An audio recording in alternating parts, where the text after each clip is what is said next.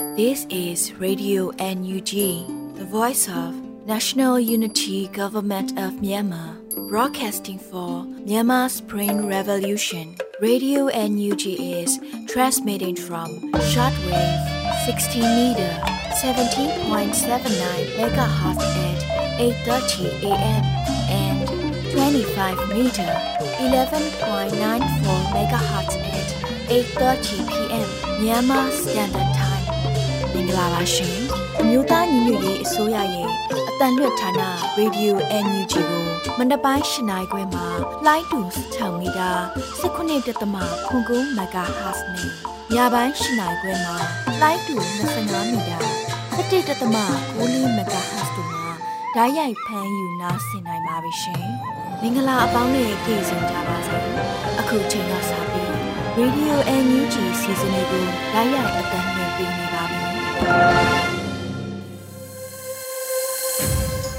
မြန်မာနိုင်ငံသူနိုင်ငံသားအပေါင်းတဘာဝပြီးစစ်အာဏာရှင်ဘေးတော့နေကင်းဝေးပြီးကိုစိတ်နှပါကြားမလုံးခြုံပြီးကင်းကြပါစေလို့ရေဒီယို UNG အဖွဲ့သားများက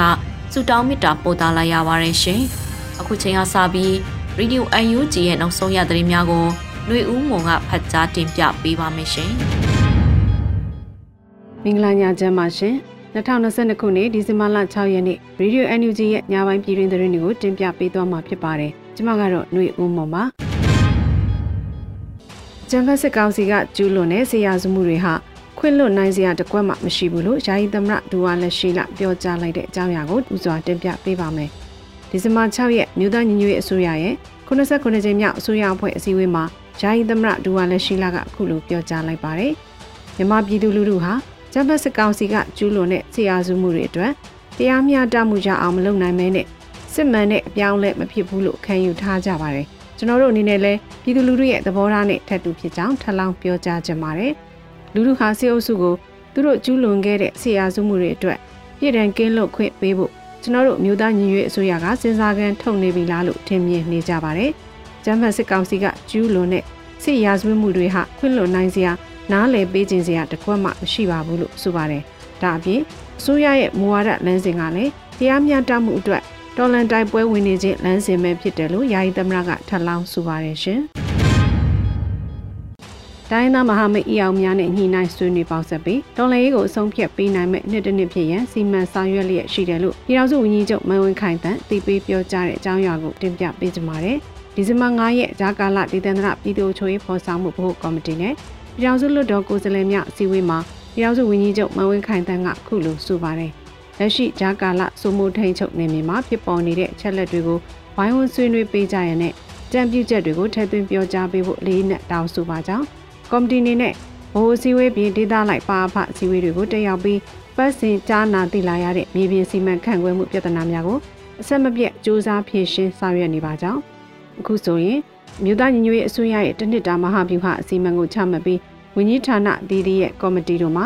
တိုင်းသားမဟာမိတ်အယောင်များနဲ့ညီနိုင်ဆွေးနွေးပေါင်းစပ်ပြီးတော်လှန်ရေးကိုအဆုံးဖြတ်ပေးနိုင်မဲ့နှစ်တစ်နှစ်ဖြစ်ရန်စီမံဆောင်ရွက်လျက်ရှိတယ်လို့အသိပေးပြောကြားလိုကြောင်းဆိုပါတယ်။ဒါ့ပြင်လူဒေါ်လာရဲ့အရေးပါဆုံးလုပ်ငန်းဖြစ်တဲ့စုမိုးထိန်ချုပ်နေမြေများမှာဒေသန္တရအုပ်ချုပ်ရေးအောင်မြင်စွာအကောင့်ထဲဖို့ဆောင်ရွက်နိုင်ရေးအတွက်လွှတ်တော်ကိုယ်စားလှယ်များမှဝိုင်းဝန်းဆွေးနွေးအကြံပြုပေးကြဖို့တိုက်တွန်းပြောကြားခဲ့ပါတယ်ရှင်။ တမှုမြုပ်ဖြစ်စဉ်စုံစမ်းစစ်ဆေးဖော်ထုတ်သွားမှာဖြစ်ပြီးကျူးလွန်ခဲ့သူညီသူကိုမဆိုဥပဒေနဲ့ညီမြို့သားညီညွတ်ရေးအစိုးရကထိရောက်စွာရေးယူသွားမယ်ဆိုတဲ့သတင်းကိုလည်းတင်ပြပေးပါမယ်။ဒီဇင်ဘာလ9ရက်တမှုမြုပ်ဖြစ်စဉ်နဲ့ပတ်သက်တဲ့ထုတ်ပြန်ကြေညာချက်ကိုမြို့သားညီညွတ်ရေးအစိုးရကကြေညာခဲ့ပါတယ်။စကိုင်းတိုင်းဒေသကြီးတမှုမြုပ်တွင် PDF များအားသက်ဖြတ်ခဲ့သည့်ဖြစ်ရတစ်ခု၌ပါဝင်ပတ်သက်ခဲ့သည်ဟုယူဆရသူမြို့သမီးတဦးပြစ်သက်ခံခဲ့ရသည့်ဗီဒီယိုဖိုင်တစ်ခုလူမှုကွန်ရက်ပေါ်ပြန့်နှံ့ခဲ့သည်ကိုတွေ့ရှိရသည်။ ဆိုပါဗီဒီယိုတွင်ပါဝင်သောလုပ်ရက်သည်မြို့သားညီညွတ်ရေးအစိုးရကာကွယ်ဝန်ကြီးဌာနကချမှတ်ထားသည့်စစ်ဘက်ဆိုင်ရာကျင့်ဝတ်များနဲ့စန့်ကျင်သွေးဖက်လျက်ရှိတယ်လို့ဖော်ပြပါရတယ်။ဆိုပါဖြစ်စဉ်မှာစစ်ဘက်ဆိုင်ရာကျင့်ဝတ်စည်းကမ်းများအရလုံးဝလက်သင့်မခံနိုင်သည့်ကိစ္စရပ်ဖြစ်တာကြောင့်ဖြစ်စဉ်နဲ့ပတ်သက်တဲ့ခွင့်ဆက်တွေကိုစုံစမ်းစစ်ဆေးဖော်ထုတ်သွားမှာဖြစ်ပြီးတော့ကျူးလွန်ခဲ့သူမိသူကိုမဆိုဥရိနဲ့ညီထိရောက်စွာရေးယူသွားမယ်လို့ဆိုပါတယ်။ပြည်သူ့ကာကွယ်ရေးတပ်မတော်တပ်ဖွဲ့ဝင်များအနေနဲ့ကြမ်းဖက်မှုတိုက်ဖျက်ရေးနဲ့ပြည်သူ့ခုခံတွန်းလှန်စစ်ဆင်နွှဲရမှာ စစ်ဘက်ဆိုင်ရာဥပဒေများစီရင်ညွှန်ကြားချက်များနဲ့အညီသာစီမံဆောင်ရွက်ကြရမှာဖြစ်တယ်လို့ဆိုပါတယ်ဒါအပြင်ယခုဖြစ်စဉ်ကဲ့သို့သောကိစ္စရပ်မျိုးနိုင်ငံတော်၏မြည်သည့်နေရာတွေမှဓာတ်မှန်ဖြစ်ပွားခြင်းမရှိစေရန်တာဝန်ယူမှုတာဝန်ခံမှုအပြည့်နဲ့ကုတ်ကဲကြက်မှတ်ဆောင်ရွက်သွားမယ်လို့မြို့သားညီညွတ်ရေးအစိုးရကအတည်ပြုကြေညာပါတယ်ရှင်။ဝန်ကြီးဌာနများအနေနဲ့မြေပြင်များမှာအကောင်းဆုံးချိတ်ဆက်နိုင်တဲ့အဖွဲ့အစည်းတစ်ခုဖြစ်ရေးစီစဉ်ဆောင်ရွက်ကြဖို့ ပြည်ထောင်စုလွှတ်တော်ကိုစားပြုကော်မတီဥက္ကဋ္ဌဦးအောင်ကြည်ညွတ်ကြံပြုဆိုတဲ့သတင်းကိုလည်းတင်ပြပေးပါမယ်။ဒီဇင်ဘာလ9ရက်ဇာကာလဒေသန္တရပြည်သူ့ချိုးရေးဖော်ဆောင်မှုဘိုကော်မတီနဲ့ပြည်ထောင်စုလွှတ်တော်ကိုယ်စားလှယ်များအစည်းအဝေးမှာပြည်ထောင်စုလွှတ်တော်ကိုစားပြုကော်မတီဥက္ကဋ္ဌဦးအောင်ကြည်ညွတ်ကအခုလိုကြံပြုဆိုခဲ့ပါတယ်။ဖွဲ့အစည်းများကိုတက်ရောက်ရာမှာဝန်ကြီးဌာနများမှဆောင်ရွက်နေရတဲ့ပုဂ္ဂိုလ်များဟာနိုင်ငံတကာအခင်းအကျင်းများဥပဒေအရတရားဝင်ရန်နှင့်ရှင်ပြိုင်နေရတဲ့စစ်ကောင်စီကိုရှင်းနိုင်တဲ့အုပ်ချုပ်ရေးရန်တရားကိုတည်ထောင်ရန် လေဟင်းသွားနိုင်သည့်အုပ်ချုပ်ရေးလေဟာနယ်ကိုပြည်စည်းနိုင်ရန်အတွက်စီစဉ်ရသည့်မူဝါဒများဆောင်ရွက်နေမှုများကိုတွေ့မြင်ပြီးအင်မတန်လေးစားပါကြောင်းအပြိုင်နက်ထဲမှာပဲအမှန်တကယ်ရင်ဆိုင်ကြုံတွေ့နေရသည့်ဂျာတွေတွင်ကွာခြားချက်မြင်မတူမှုများရှိလာမှုကိုတွေ့ရကြောင်းဝန်ကြီးဌာနများအနေဖြင့်မြေပြင်များတွင်အကောင်းဆုံးချိတ်ဆက်နိုင်သည့်အဖွဲ့အစည်းတစ်ခုဖြစ်ရေးစီစဉ်ဆောင်ရွက်ကြရန်အကြံပြုလိုကြောင်းတာဝန်ပေးရထားသောပုဂ္ဂိုလ်များနှင့်တာဝန်ယူနိုင်သောအခြေအနေနဲ့ကိုက်ညီမှုရှိမရှိထိရောက်စွာဆောင်ရွက်နိုင်မှုများကို ချိန်နဲ့တပြေးညီတာဝန်ပေးအချင်းခံရသည့်ပုဂ္ဂိုလ်များအပြင်စီစစ်ရသည့်ပုဂ္ဂိုလ်တို့တွင်အမြင့်ရှင်းရှင်းဖြင့်ဝိုင်းဝန်းကူညီပံ့ပိုးညှိနှိုင်းဆောင်ရွက်စေလိုကြောင်းဆိုခဲ့ပါတယ်။စီဝေတို့ဂျာကာလဒေသန္တရပြည်သူ့အုပ်ချုပ်ရေးဖော်ဆောင်မှုဗဟိုကော်မတီဥက္ကဋ္ဌပြည်ထောင်စုဝန်ကြီးချုပ်မန်ဝင်းခိုင်တန်းပြည်ထောင်စုလွှတ်တော်ကိုစားပြုကော်မတီဥက္ကဋ္ဌဦးအောင်ကြည်ညွတ်ပြည်ထောင်စုဝန်ကြီးများဒုတိယပြည်ထောင်စုဝန်ကြီးများပြည်ထောင်စုလွှတ်တော်ကိုယ်စားလှယ်များအမြဲတမ်းအတွင်းဝင်များဌာနဆိုင်ရာများမှတာဝန်ရှိသူများတက်ရောက်ခဲ့ကြပါတယ်ရှင်။ ချောင်းမြို့နယ်ပြည်သူ့ကာကွယ်ရေးတပ်ဖွဲ့မှမိဘသည့်ပြည်သူများဘေးကင်းလုံခြုံစွာနေထိုင်နိုင်ရန်နေအိမ်များစောင့်လုပ်ပေးမှုကိုကာကွယ်ဝင်ကြီးဥယျာဉ်မှကျေးဇူးတင်စကားဆိုလိုက်တဲ့တဲ့တင်ကိုလည်းတင်ပြပေးကြပါမယ်။ချောင်းမြို့နယ်ပြည်သူ့ကာကွယ်ရေးတပ်ဖွဲ့မှမိဘသည့်ပြည်သူများဘေးကင်းလုံခြုံစွာနေထိုင်နိုင်ဖို့နေအိမ်များစောင့်လုပ်ပေးမှုကိုကာကွယ်ဝင်ကြီးဥယျာဉ်မှကဒီဇင်ဘာ6ရက်တွေ့တာမှာကျေးဇူးတင်စကားဆိုလိုက်တာပါ။ချောင်း PDF ရဲ့ဝန်ဆောင်မှုအတွက်ကျေးဇူးတင်တယ်လို့ဆိုထားပါတယ်။လက်ရှိမှာချောင်းမြို့နယ်ပြည်သူ့ကာကွယ်ရေးတပ်ဖွဲ့မှစစ်တီတော်များဟာ မိဘသည့်ပြည်သူများဘေးကင်းလုံခြုံစွာနေထိုင်နိုင်ဖို့နေအိမ်များဆောက်လုပ်ပေးလျက်ရှိပါတယ်။စစ်ကောင်စီတပ်များဟာတနိုင်ငံလုံးမှာနေအိမ်နဲ့အဆောက်အအုံပေါင်း၄000နီးပါးမိရှုဖျက်ဆီးခဲ့ပါတယ်ရှင်။စေအုပ်စုဟာတေတံနဲ့အမိန့်ချမှတ်ခြင်းကိုလက်နက်သဖွယ်အသုံးပြုနေတယ်လို့ပြည်ထောင်စုဝန်ကြီးဒေါက်တာဇော်ဝေဆိုးပြောကြားလိုက်တဲ့အကြောင်းအရာကိုလည်းတင်ပြပေးပါဦးမယ်။ဒီဇင်ဘာလအတွင်းမှာဒေတံချမှတ်တာနဲ့ပတ်သက်လို့ပြည်ထောင်စုဝန်ကြီးဒေါက်တာဇော်ဝေဆိုးကခုလိုမှတ်ချက်ပေးပြောကြားခဲ့ပါတယ်။ ဒီစေအုပ်စုဟာဒေတံနဲ့အမိန့်ချမှတ်ခြင်းကိုလက်နက်တစ်ဖွဲ့အသုံးပြုပြီးပြည်သူတယောက်ချင်းရဲ့သက်ရှင်တန်ခွင့်ကိုမသိကြိုးကြုံပြုပြီးချိုးဖောက်နေတာဖြစ်တယ်။နိုင်ငံတကာလူခွင့်ရေးတွေကိုမျက်ကွယ်ပြုပြီးဒီမိုကရေစီခွင့်ရေးတွေကိုကန့်သက်နေတာဖြစ်တယ်လို့ဆိုပါတယ်။တကုံတက္ကသိုလ်ကျောင်းသား9ဦးနဲ့ပြည်သူ12ဦးစုစုပေါင်း19ဦးကိုဂျမ်ဖက်စီအုပ်စုမှနိုဝင်ဘာလ30ရက်2022ခုနှစ်မှာတည်တံချမှတ်ခဲ့ပါသေးတယ်ရှင်။စစ်ကောင်စီလူသားဆန်မှုဒီမိုကရေစီနဲ့တရားမျှတမှုဆိုင်ရာသဘောထားများကို ဖီဆန်နေပြီးတော့၎င်းတို့လုပ်ရများကိုနိုင်ငံတကာအတိုင်းဝိုင်းကအချိန်မီရပ်တန့်နိုင်သေးတယ်လို့ဆိုတဲ့အကြောင်းအရာကိုလည်းတင်ပြပေးကြပါမယ်။စစ်ကောင်စီဟာလူသားဆန်မှုဒီမိုကရေစီနဲ့တရားမျှတမှုဆိုင်ရာသဘောတရားများကိုဖီဆန်နေပြီးတော့၎င်းတို့လုပ်ရများကိုနိုင်ငံတကာအတိုင်းဝိုင်းကအချိန်မီရပ်တန့်နိုင်သေးတယ်လို့ဒီဇင်ဘာ6ရက် Twitter မှာလူခွင့်ရေးဆရာဝန်ကြီးဦးအောင်မျိုးမင်းကဆိုခဲ့ပါတယ်။စစ်ကောင်စီသည်လူသားဆန်မှုဒီမိုကရေစီနဲ့တရားမျှတမှုဆိုင်ရာသဘောတရားများကိုဖိစံနေပါတယ်။ ကျောင်းသားသမဂ္ဂကိုတရားမဝင်ဖန်ဆီးခြင်းစစ်ခုံရုံးတွင်ကပေတံပေးခြင်းတို့ကိုလှုံ့ဆော်နေပြီးဒီလူတက်မှုတွေကိုရပ်တန့်နိုင်ပါသေးတယ်။နိုင်ငံတကာအတိုင်းဝိုင်းကဆောင်ရွက်ရမယ့်အချိန်ဖြစ်တယ်လို့မြင်းကြီးကဆိုပါတယ်။ဂျမ်ဖက်စစ်ကောင်စီဟာလူပေါင်း1000ကျော်ကိုဖမ်းဆီးချုပ်နှောင်ခဲ့ပြီးတော့လူပေါင်း2000ကျော်ကိုတပ်ဖြတ်ခဲ့ပါတယ်ရှင်။ပညာရေးဝန်ကြီးဌာနနဲ့လူခွေရေးဆိုင်ရာဝန်ကြီးဌာနတို့ပူးပေါင်းပြီးကမ္ဘာလူခွေရေးနှင့်အထိမ်းအမှတ်စာရန်ဖတ်ပွဲခမ်းနားကျင်းပမဲ့တဲ့ရင်ကိုလည်းတင်ပြပေးကြပါမယ်။ ပညာရေးဝန်ကြီးဌာနနဲ့လူခွေရေးဆိုင်ရာဝန်ကြီးဌာနတို့ပူးပေါင်းပြီးကမ္ဘာလူခွေရေးနှင့်အထိမ်းအမှတ်စာရန်ဖတ်ပွဲခမ်းနားကျင်းပမယ်လို့ဒီဇင်ဘာ6ရက်နေ့မှာပညာရေးဝန်ကြီးဌာနကအသိပေးထုတ်ပြန်ပါတယ်။မြို့သားညီညွတ်ရေးအစိုးရပညာရေးဝန်ကြီးဌာနနဲ့လူခွေရေးဆိုင်ရာဝန်ကြီးဌာနတို့ပူးပေါင်း၍လူခွေရေးဆိုင်ရာသုတေသနလုပ်ငန်းများဖွံ့ဖြိုးတိုးတက်စေရန်နိုင်ငံတကာလူခွေရေးစံနှုန်းများကိုလက်တွေ့အကောင့်ထည့်ပေါ်ဆောင်ရွက်နိုင်ရတဲ့အကြမ်းမဖက်အာဏာဖီဆန်ရေးမှာပါဝင်ကြတဲ့ဆရာဆရာမများကျောင်းသားကျောင်းသူများနဲ့ပညာရေးဝန်ထမ်းများရဲ့လူမှုဘဝဖွံ့ဖြိုးရေးကိုရည်ရွယ်ပြီးပ ညာရေးဆိုင်ရာစာတမ်းဖတ်ပွဲနဲ့ပူးပေါင်းဆွေးနွေးပွဲကို2022ခုနှစ်ဒီဇင်ဘာလ9ရက်နေ့မှာခမ်းနားစွာကျင်းပပါမယ်လို့ဆိုပါတယ်။ဒီဇင်ဘာလ10ရက်နေ့ဟာကမ္ဘာလူခွင့်ရေးနေ့ဖြစ်ကုလသမဂ္ဂအဖွဲ့အစည်းမှသတ်မှတ်ထားကနှစ်စဉ်နှစ်တိုင်းကမ္ဘာလူခွင့်ရေးနေ့အထိမ်းအမှတ်အခမ်းအနားပွဲများကိုစောင့်မုံများသတ်မှတ်ခနိုင်ငံအသီးသီးမှာကျင်းပကြပါတယ်ရှင်။စကိုင်းတိုင်းစလင်းကြီးတပရင်နဲ့ခေဦးမြို့နယ်မှာရှိတဲ့ကြေးရွာတွေကို စစ်ကောင်စီတပ်များဒီကနေ့မနက်စစ်ကြောင်းထုတ်ဝင်ရောက်တောင်းချမ်းနေတဲ့တဲ့ရင်ကိုလည်းတင်ပြပေးပါမယ်။ဒီဇင်ဘာ6ရက်မနက်ပိုင်းမှာစတင်ပြီးစကိုင်းတိုင်းရှိမြို့နယ်တွေကိုစစ်ကောင်စီကြမ်းဖက်စစ်တပ်ကဝင်ရောက်တောင်းချမ်းဖျက်ဆီးနေတယ်လို့ဒေသသတင်းရင်းမြစ်များကအတည်ပြုပါတယ်။ဒီဇင်ဘာ6ရက်မနက်ပိုင်းစေအုပ်စုဟာစလင်းကြီးမြို့နယ်တရားကျေးရွာကိုအထိုင်ရှိနေပြီးရှမ်းကိုင်းကျေးရွာနဲ့အုံတုံးကျေးရွာကိုမိရှုဖျက်ဆီးခဲ့တယ်လို့ဆိုပါတယ်။အလားတူတပင်းမြို့နယ်အရှိချမ်းနမြကျေးရွာကိုဒုတိယအကြိမ်ဝင်ရောက်က ပြည်သူနေအိမ်တွေကိုအတန်းလိုက်မိရှုဖျက်ဆီးခဲ့ပါတယ်။၎င်းစစ်ကြောင်းဟာတပင်းရင်ကျေးရွာကိုရှေ့ပြေးဥတီနေတယ်လို့လည်းသတင်းရရှိပါတယ်။ဒါအပြင်မနက်စောပိုင်းကရေဦးတိုင်းစေယုံတွင်းမှထွက်လာတဲ့စစ်ကောင်စီတပ်ကားတစ်စီးဟာကြာမှုဝိုင်းဘက်ရောက်ရှိပြီးကားပေါ်မှာစစ်ကောင်စီတပ်15ဦးခန့်ဟာတန်လန်းကူးကျော်မှခင်ဦးနယ်နောက်ချမ်းရောင်မြကြီးစုရွာတွေဘက်ကိုလက်နက်ကြီးနဲ့တက်တိုက်ပစ်ခတ်ခဲ့ပါတယ်ရှင်။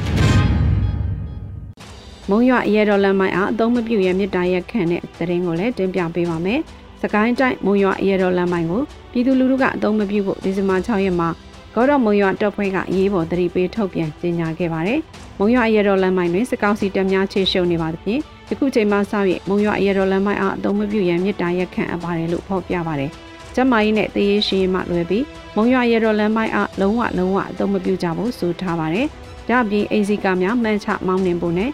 ဘေးကင်းစွာပြန်လည်အသုံးပြုရမယ့်အချိန်ကိုအဖွဲ့မှထုတ်ပြန်ကြေညာပေးမယ်လို့ဖော်ပြပါတယ်ရှင်။ဒီဇင်ဘာလ17ရက်နေ့မှာကျန်းဖက်စီအုပ်စုကိုဝင်ငွေအများဆုံးထောက်ပံ့ပေးနေတဲ့ထိုင်းနိုင်ငံပိုင် PTT ရဲ့ထုတ်ကုန်များနဲ့ PTT နဲ့ဗတ်ဆက်ပြည်တွင်းမြန်မာကုမ္ပဏီတွေကိုသပိတ်မှောက်မယ်ဆိုတဲ့သတင်းကိုလည်းတင်ပြပေးပါမယ်။ဒီဇင်ဘာ9ရက်မှာသွေးစွငွေဖြတ်တောက်ရေးကအခုလိုထုတ်ပြန်ထားပါတယ်။မိဘပြည်သူများခင်ဗျာလာမည့်ဒီဇင်ဘာလ17ရက်နေ့မှာအကျန်းဖက်စီအုပ်စုကိုဝင်ငွေအများဆုံးထောက်ပံ့ပေးနေတဲ့ ထိုင်းနိုင်ငံပိုင် PTT ထုတ်ကုန်များနှင့် PTT နှင့်ဖတ်ဆက်ပြည်တွင်းမြန်မာကုမ္ပဏီများကိုတပိတ်မှောက်မြင့်သွေးငွေဖြတ်ဆိုသည့်ပြည်သူဒဏ်ပေးလှုပ်ရှားမှုတွေမိဘပြည်သူများအနေနဲ့ပါဝင်ပေးကြပါရန်လေးစားစွာပန်ကြားအပ်ပါတယ်လို့ဖော်ပြထားပါတယ်။ PTT ဟာထိုင်းနိုင်ငံအခြေစိုက်ရေနံစွမ်းအင်လုပ်ငန်းဖြစ်ပြီးတော့စေအုပ်စုတန်ဝင်ငွေများတိုက်ရိုက်စီစဉ်နေတာဖြစ်ပါတယ်ရှင်။ခုတင်ပြခဲ့တဲ့သတင်းတွေကိုတော့ Radio Energy သတင်းတောက်မင်းမင်းကပေးပို့ထားတာဖြစ်ပါတယ်။ စစ်တီတော်ကျင့်ဝတ်စည်းမျဉ်းများ၁စစ်ရေးရည်မှန်းချက်ဖြင့်သာတိုက်ပွဲဖော်ဆောင်ရမည်။၂စစ်စင်ရေးဆောင်ရွက်ရာတွင်လိုအပ်သောအင်အားကိုသာအသုံးပြု၍ထိခိုက်ပျက်စီးမှုအ ਨੇ ဆုံးဖြစ်စေရန်စီမံဆောင်ရွက်ရမည်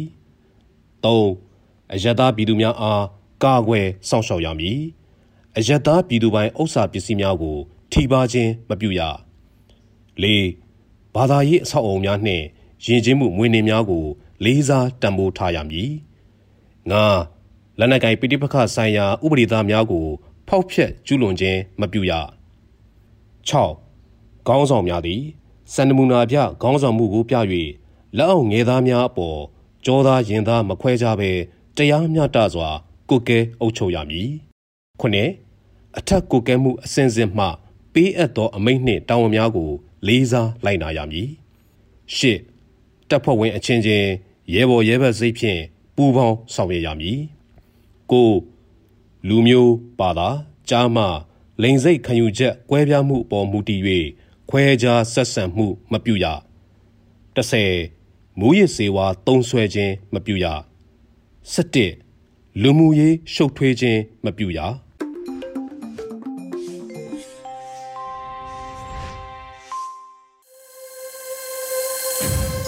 ရေဒီယို UNG ရဲ့နောက်ဆုံးရသတင်းများကိုနားဆင်ရတာဖြစ်ပါတယ်။ဆက်လက်ပြီးတငါရွာကိုကပထိတ်တန်းနိုင်ငံဖြစ်အောင်တိဆောက်ခြင်းဆိုတဲ့ဤသွင်းငင်းရေးသားထားတဲ့ဝမခဆောင်းပါးကိုလွေဦးလေပြည်ကဖတ်ကြားတင်ပြပေးပါမယ်ရှင်။တငါရွာကိုကပထိတ်တန်းနိုင်ငံဖြစ်အောင်တိဆောက်ခြင်းအမည်ရတဲ့မုံမခဆောင်းပါးဖြစ်ပါတယ်။1959ခုနှစ်မှာသူဝင်ကြီးချုပ်ဖြစ်လာတဲ့အခါစင်ကာပူဟာချင်ပေါ်တဲ့နွတော်ကြီးအဆင့်ပဲရှိပါတယ်။ လူတွေဟာလေတော်အိမ်မှာဝက်တွေကြက်တွေနဲ့ဖြစ်တယ်လို့နေထိုင်နေတော့ပဲရှိပါတယ်။တဘာဝတယံဇာတာမရှိတဲ့တိုင်းပြည်အခြေခံအဆောက်အုံဘာမှမတိဆောက်ရသေးတဲ့တိုင်းပြည်ပညာရေးစနစ်အားမကောင်းတဲ့တိုင်းပြည်ဖြစ်ပါတယ်။မြို့သမျိုးစာနိုင်ငံလေးဖြစ်လို့တခြားဖွံ့ဖြိုးဆဲနိုင်ငံတွေလမ်းကြောင်းကိုလိုက်လို့မဖြစ်တခြားစက်မှုနိုင်ငံတွေကိုအတူယူအောင်ကလည်းသူတို့လိုစက်မှုကုန်ကြမ်းလည်းမရှိပြည်တွင်းဈေးကွက်ကလည်းသေးငယ် စက်မှုလက်မှုကျွမ်းကျင်မှုကလည်းမရှိ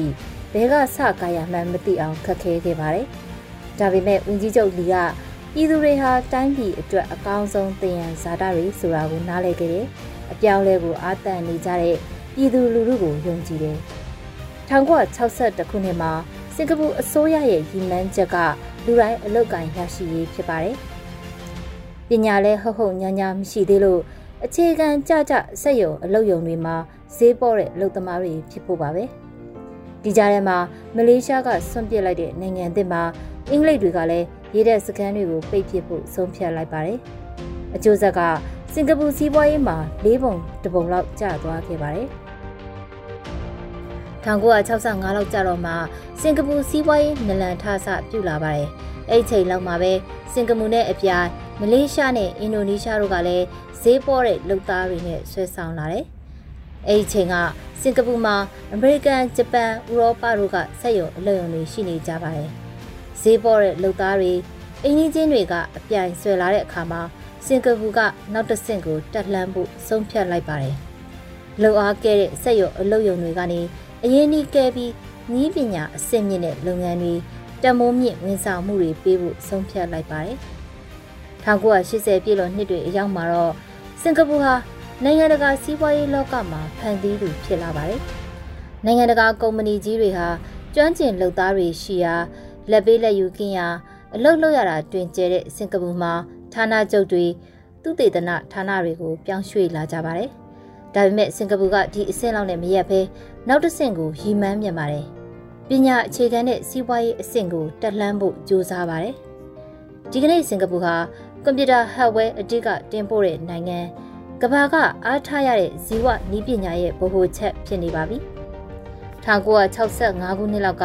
စင်ကာပူရဲ့တဦးချင်း GDP ဟာဒေါ်လာ900ပဲရှိခဲ့ရကနေဒီကနေ့မှာတော့9000ဖြစ်လို့အစပေါင်း200နီးပါးတိုးတက်သွားပြီဖြစ်ပါတယ်။စီးပွားရေးတိုးတက်မှုတစ်ခုတည်းကိုတစ်ဖက်ဆောင်းနှင်းလည်းမဟုတ်ပါဘူး။ဗတ်ပေါင်းစုံဖွံ့ဖြိုးရေးကိုထည့်သွင်းစဉ်းစားတွက်ချက်တဲ့ကုလသမဂ္ဂလူသားဖွံ့ဖြိုးရေးအညွှန်းကိန်းမှာ စင်ကာပူဟာထိပ်ဆုံး10နိုင်ငံစီးရင်မှာပါဝင်ပါတယ်။အာရှမှာဒီလိုထိပ်ဆုံးကပါဝင်တာစင်ကာပူတနိုင်ငံပဲရှိပါတယ်။စင်ကာပူပညာရေးဟာလည်းတကမ္ဘာလုံးကလေးစားရတဲ့အဆင့်မှာရှိပါတယ်။စင်ကာပူကလေးတွေသင်ယူနေတဲ့သင်ချာသင်ရိုးကိုကယ်လီဖိုးနီးယား၊တောင်အာဖရိက၊နယ်သာလန်တို့ကကျောင်းသားတွေလည်းသင်နေကြပါတယ်။စင်ကာပူမှာရှိတဲ့ National University ဟာအာရှမှာထိပ်ဆုံးတက္ကသိုလ်ဖြစ်ပါတယ်။ စင်ကာပူအမျိုးသားတက္ကသိုလ်လူမှုရေးရာမူဝါဒလီကွမ်ယူကျောင်းကအာရှထိပ်တန်းတွေးခေါ်ပညာရှင်ပါမခကီရှိုမန်ပူဗန်နီကစင်ကာပူအောင်မြင်ရခြင်းအကြောင်းခုနှစ်ချက်ရှိတယ်လို့ဆိုပါတယ်။အဲဒါတွေကတော့1ဈေးကွက်စီးပွားရေး2သိပ္ပံနဲ့ဤပညာ3လူတော်လူကောင်းကိုနေရာပေးခြင်း4လက်တွေ့ကြခြင်း5ငင်းချမ်းရေးနဲ့ယဉ်ကျေးမှု6တရားဥပဒေစိုးမိုးမှုနဲ့ 9ပညာရေးတို့ဖြစ်ပါတယ်။တကယ်ကလီကွမ်ယူဟာသူဝင်ကြီးချုပ်ဖြစ်လာတဲ့အချိန်ကစလို့စင်ကာပူမှာပညာရေးစနစ်ကိုအားသွန်ခွန်ဆိုင်အားထုတ်ခဲ့ပါတယ်။တိုင်းပြည်စင်ရွယ်ရင်းကနေကင်းလွတ်ဖို့ဆိုရင်ပြည်သူတွေပညာတတ်မှဖြစ်မယ်လို့သူကနားလည်ခဲ့ပါတယ်။တိုင်းပြည်ရဲ့ကံကြမ္မာဆိုတာတိုင်းသူပြည်သားတွေရဲ့ရည်ချင်းပုံမူတည်ပါတယ်။လူတွေကိုဘလို့ရွေးချယ်မလဲဘလို့လေ့ကျင့်မလဲဘလို့စုဖွဲ့မလဲ ဘလို့စီမံခန့်ခွဲမလဲဆိုတဲ့အပေါ်မှာမတူတဲ့ရလဒ်တွေပေါ်ထွက်လာတာပါပဲလို့လီကွမ်ယူကပြောခဲ့ပူပါတယ်။တိုင်းပြည်အနာဂတ်ကိုတည်ဆောက်တဲ့အခါမှာဖွံ့ဖြိုးရေးအခြေခံအချက်၃ချက်ဟာအရေးကြီးတယ်လို့လီကွမ်ယူကမြင်ပါတယ်။နံပါတ်၁ကမ္ဘာကြီးနဲ့အပြန်အလှန်ဆက်သွယ်။နှစ်ပညာရေးကိုမြင့်တင်အထူးသဖြင့်အင်္ဂလိပ်ဘာသာ။၃တဟဇာတာဖြစ်တဲ့လူအဖွဲ့အစည်းကိုတည်ဆောက်ဒီအချက်၃ချက်ပါပဲ။ လီကွမ်ယူဟာစင်ကာပူကိုအနှစ်30အုပ်ချုပ်ခဲ့ပါတယ်။ဒီမိုကရေစီစံနှုန်းနဲ့တိုင်းတာရင်အပြစ်ပြောစရာတွေရှိပေမဲ့ Cambridge တက္ကသိုလ်ကဥပဒေပညာနဲ့ဘွဲ့ရခဲ့တဲ့လီကွမ်ယူကိုအကျဉ်းသားရှိပြီးဉာဏ်ရည်မြင့်တဲ့အာဏာရှင်အဖြစ်နိုင်ငံရေးသိပ္ပံပညာရှင်တွေကသတ်မှတ်ကြပါတယ်။သူ့အစိုးရဟာပြည်သူတွေရဲ့အကျိုးကိုဦးစားပေးတာတရားဥပဒေစိုးမိုးရေးကိုလေးစားတာတွေလက်ပေးလက်ယူကင်းတာတွေဟာအခြားအာဏာရှင်နိုင်ငံတွေနဲ့ မိုးနဲ့မြေလိုကွာခြားပါတယ်။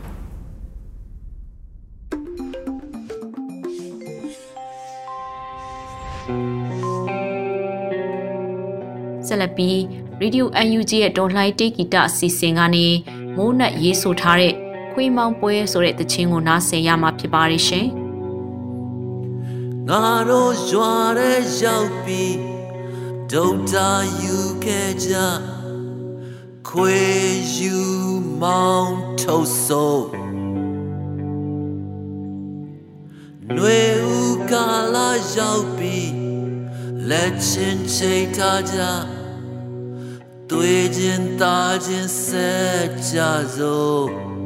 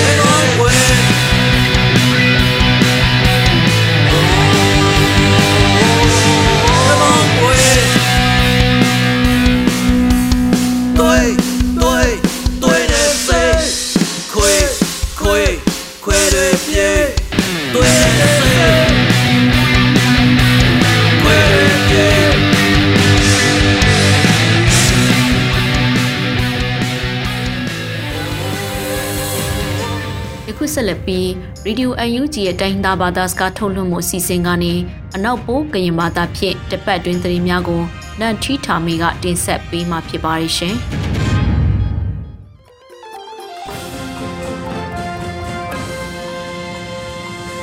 နိမမကွာဒီလာစေပစုံဝေးဆောင်ပါမနတိလဲဆူစာစီဆရှောင်းဝိုင်ပဒူအန်ယူဂျီလန်ခွေလူပလုံရှိုစတီလန်ဒိုလန်ဖနော်လောပိုနန်ယောအိုင်ဒိုဒပလက်ထဲမှာနတိမကနုရတမ်ပါဘတ်စထရာလန်တာဆပရလဖနော်လော ပလကဒုပလောက်တန်စပရလဖာနောဘမဝိဒယာနန်ထိထမီနောလောစပရကန်တေကရွေနောမဝိဒတမှုဖူကောက်လမအမတန်ဆယောလက်ခမလက်ထပူရအဖန်ကိုလကနေပါစုခလဆောက်ပါကမလက်ဖအဖန်ကိုခန့်ခထိုင်ရှာအခုရလဖအဝိဒနောအောဂိုင်တန်တောင်ဖတ်တူဥချော်မှုထွနောပါဆိုးဒမိုင်းဒလလာတိစင်မတမ်ပလအမွဲပလစုခလဆောက်ပါစတရီလန်ဒိုလန်ပလာလဝိဒနောလောလက်ခပြတိကံပ ခမလပဒုပန်ဆာထအလဆုခလဆောင်ပါအခုရေလဖအကယူထွေပနန်ချဝိဒအဝိဒလန်နေကြီးလဘုယောတမှုအပူအခုဒမနိချာစပုံစပရဆအထပါဆိုင်လစခန့်ကထိုင်ရှာအခုရေလဖအဝိဒအတုဆက်ယောနခမလထပူရအဖန်ကူလကနေပါစုခလဆောင်ပါခမလဖအဖန်ကူစီပဒစီယဝိဒနောဂိုင်ပတိယပါနောလောလက်ထဘူယောအခါ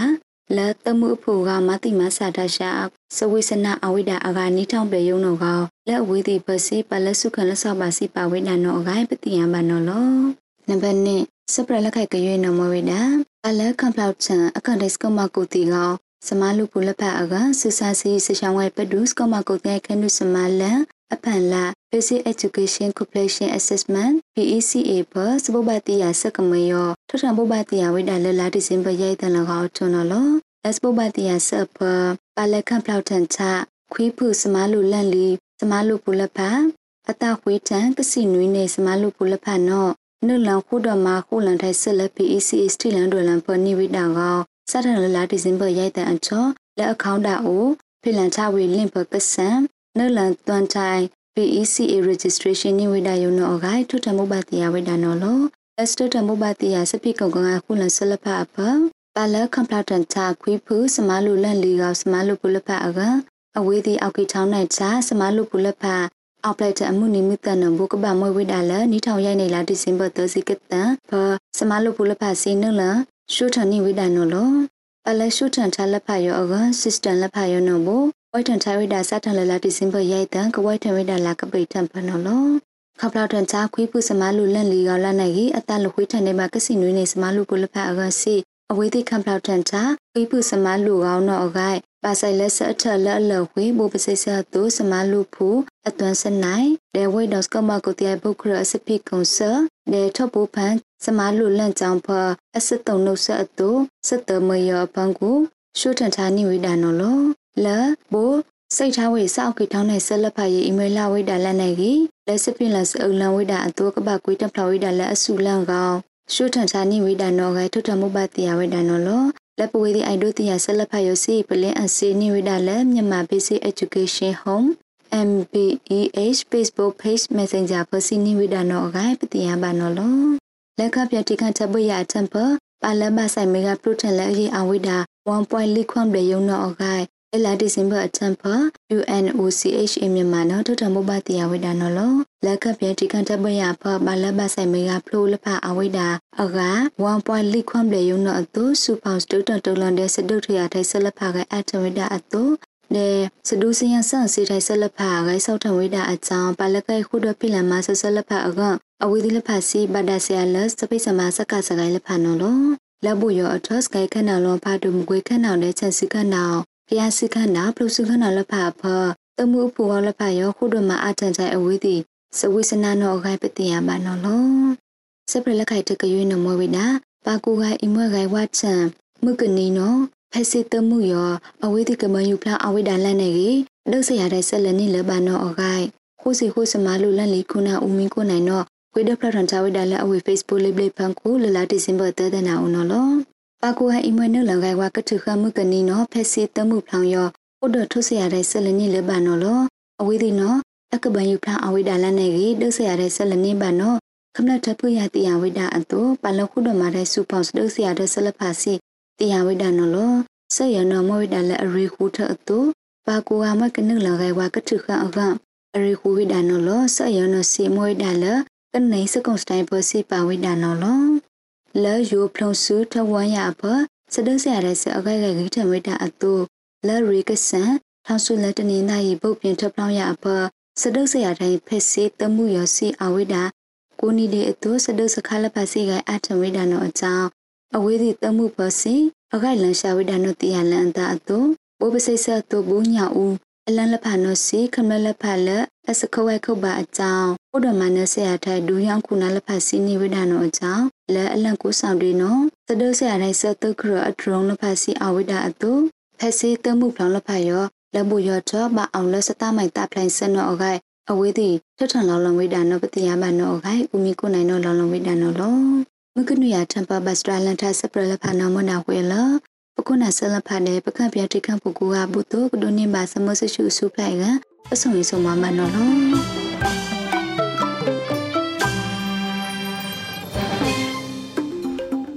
ဒီကနေ့ကတော့ဒီညနေပဲ Radio NUG ရဲ့အစီအစဉ်လေးကိုခေတ္တရ延လိုက်ပါမယ်ရှင်မြန်မာစံတော်ချိန်မနေ့၈နိုင်ခွဲနဲ့ည၈နိုင်ခွဲအချိန်တွေမှာပြောင်းလဲဆိုပြကြပါလို့ရှင် Radio NUG ကို မနက်ပိုင်း၈နိုင်ခွဲမှာလိုင်းတူ16မီတာ19တက်တမခုကူမဂါဟတ်နဲ့ညပိုင်း၈နိုင်ခွဲမှာလိုင်းတူ25မီတာ17တက်တမ9မဂါဟတ်တို့မှာဓာတ်ရိုက်ဖမ်းယူနားဆင်နိုင်ပါပြီရှင်မြန်မာနိုင်ငံသူနိုင်ငံသားများကိုစိတ်နှဖျားစမ်းမချမ်းသာလို့ဘေးကင်းလုံခြုံကြပါစေလို့ Radio NUG ရဲ့ဖွဲ့သူဖွဲ့သားများကဆုတောင်းလိုက်ရပါတယ်။ San Francisco Bay Area အခြေစိုက်မြန်မာမိသားစုများနိုင်ငံတကာကစေတနာရှင်များလိုအားပေးများရဲ့ရေဒီယို NUG ဖြစ်ပါတယ်ရှင်။အရေးတော်ပုံအောင်ရမည်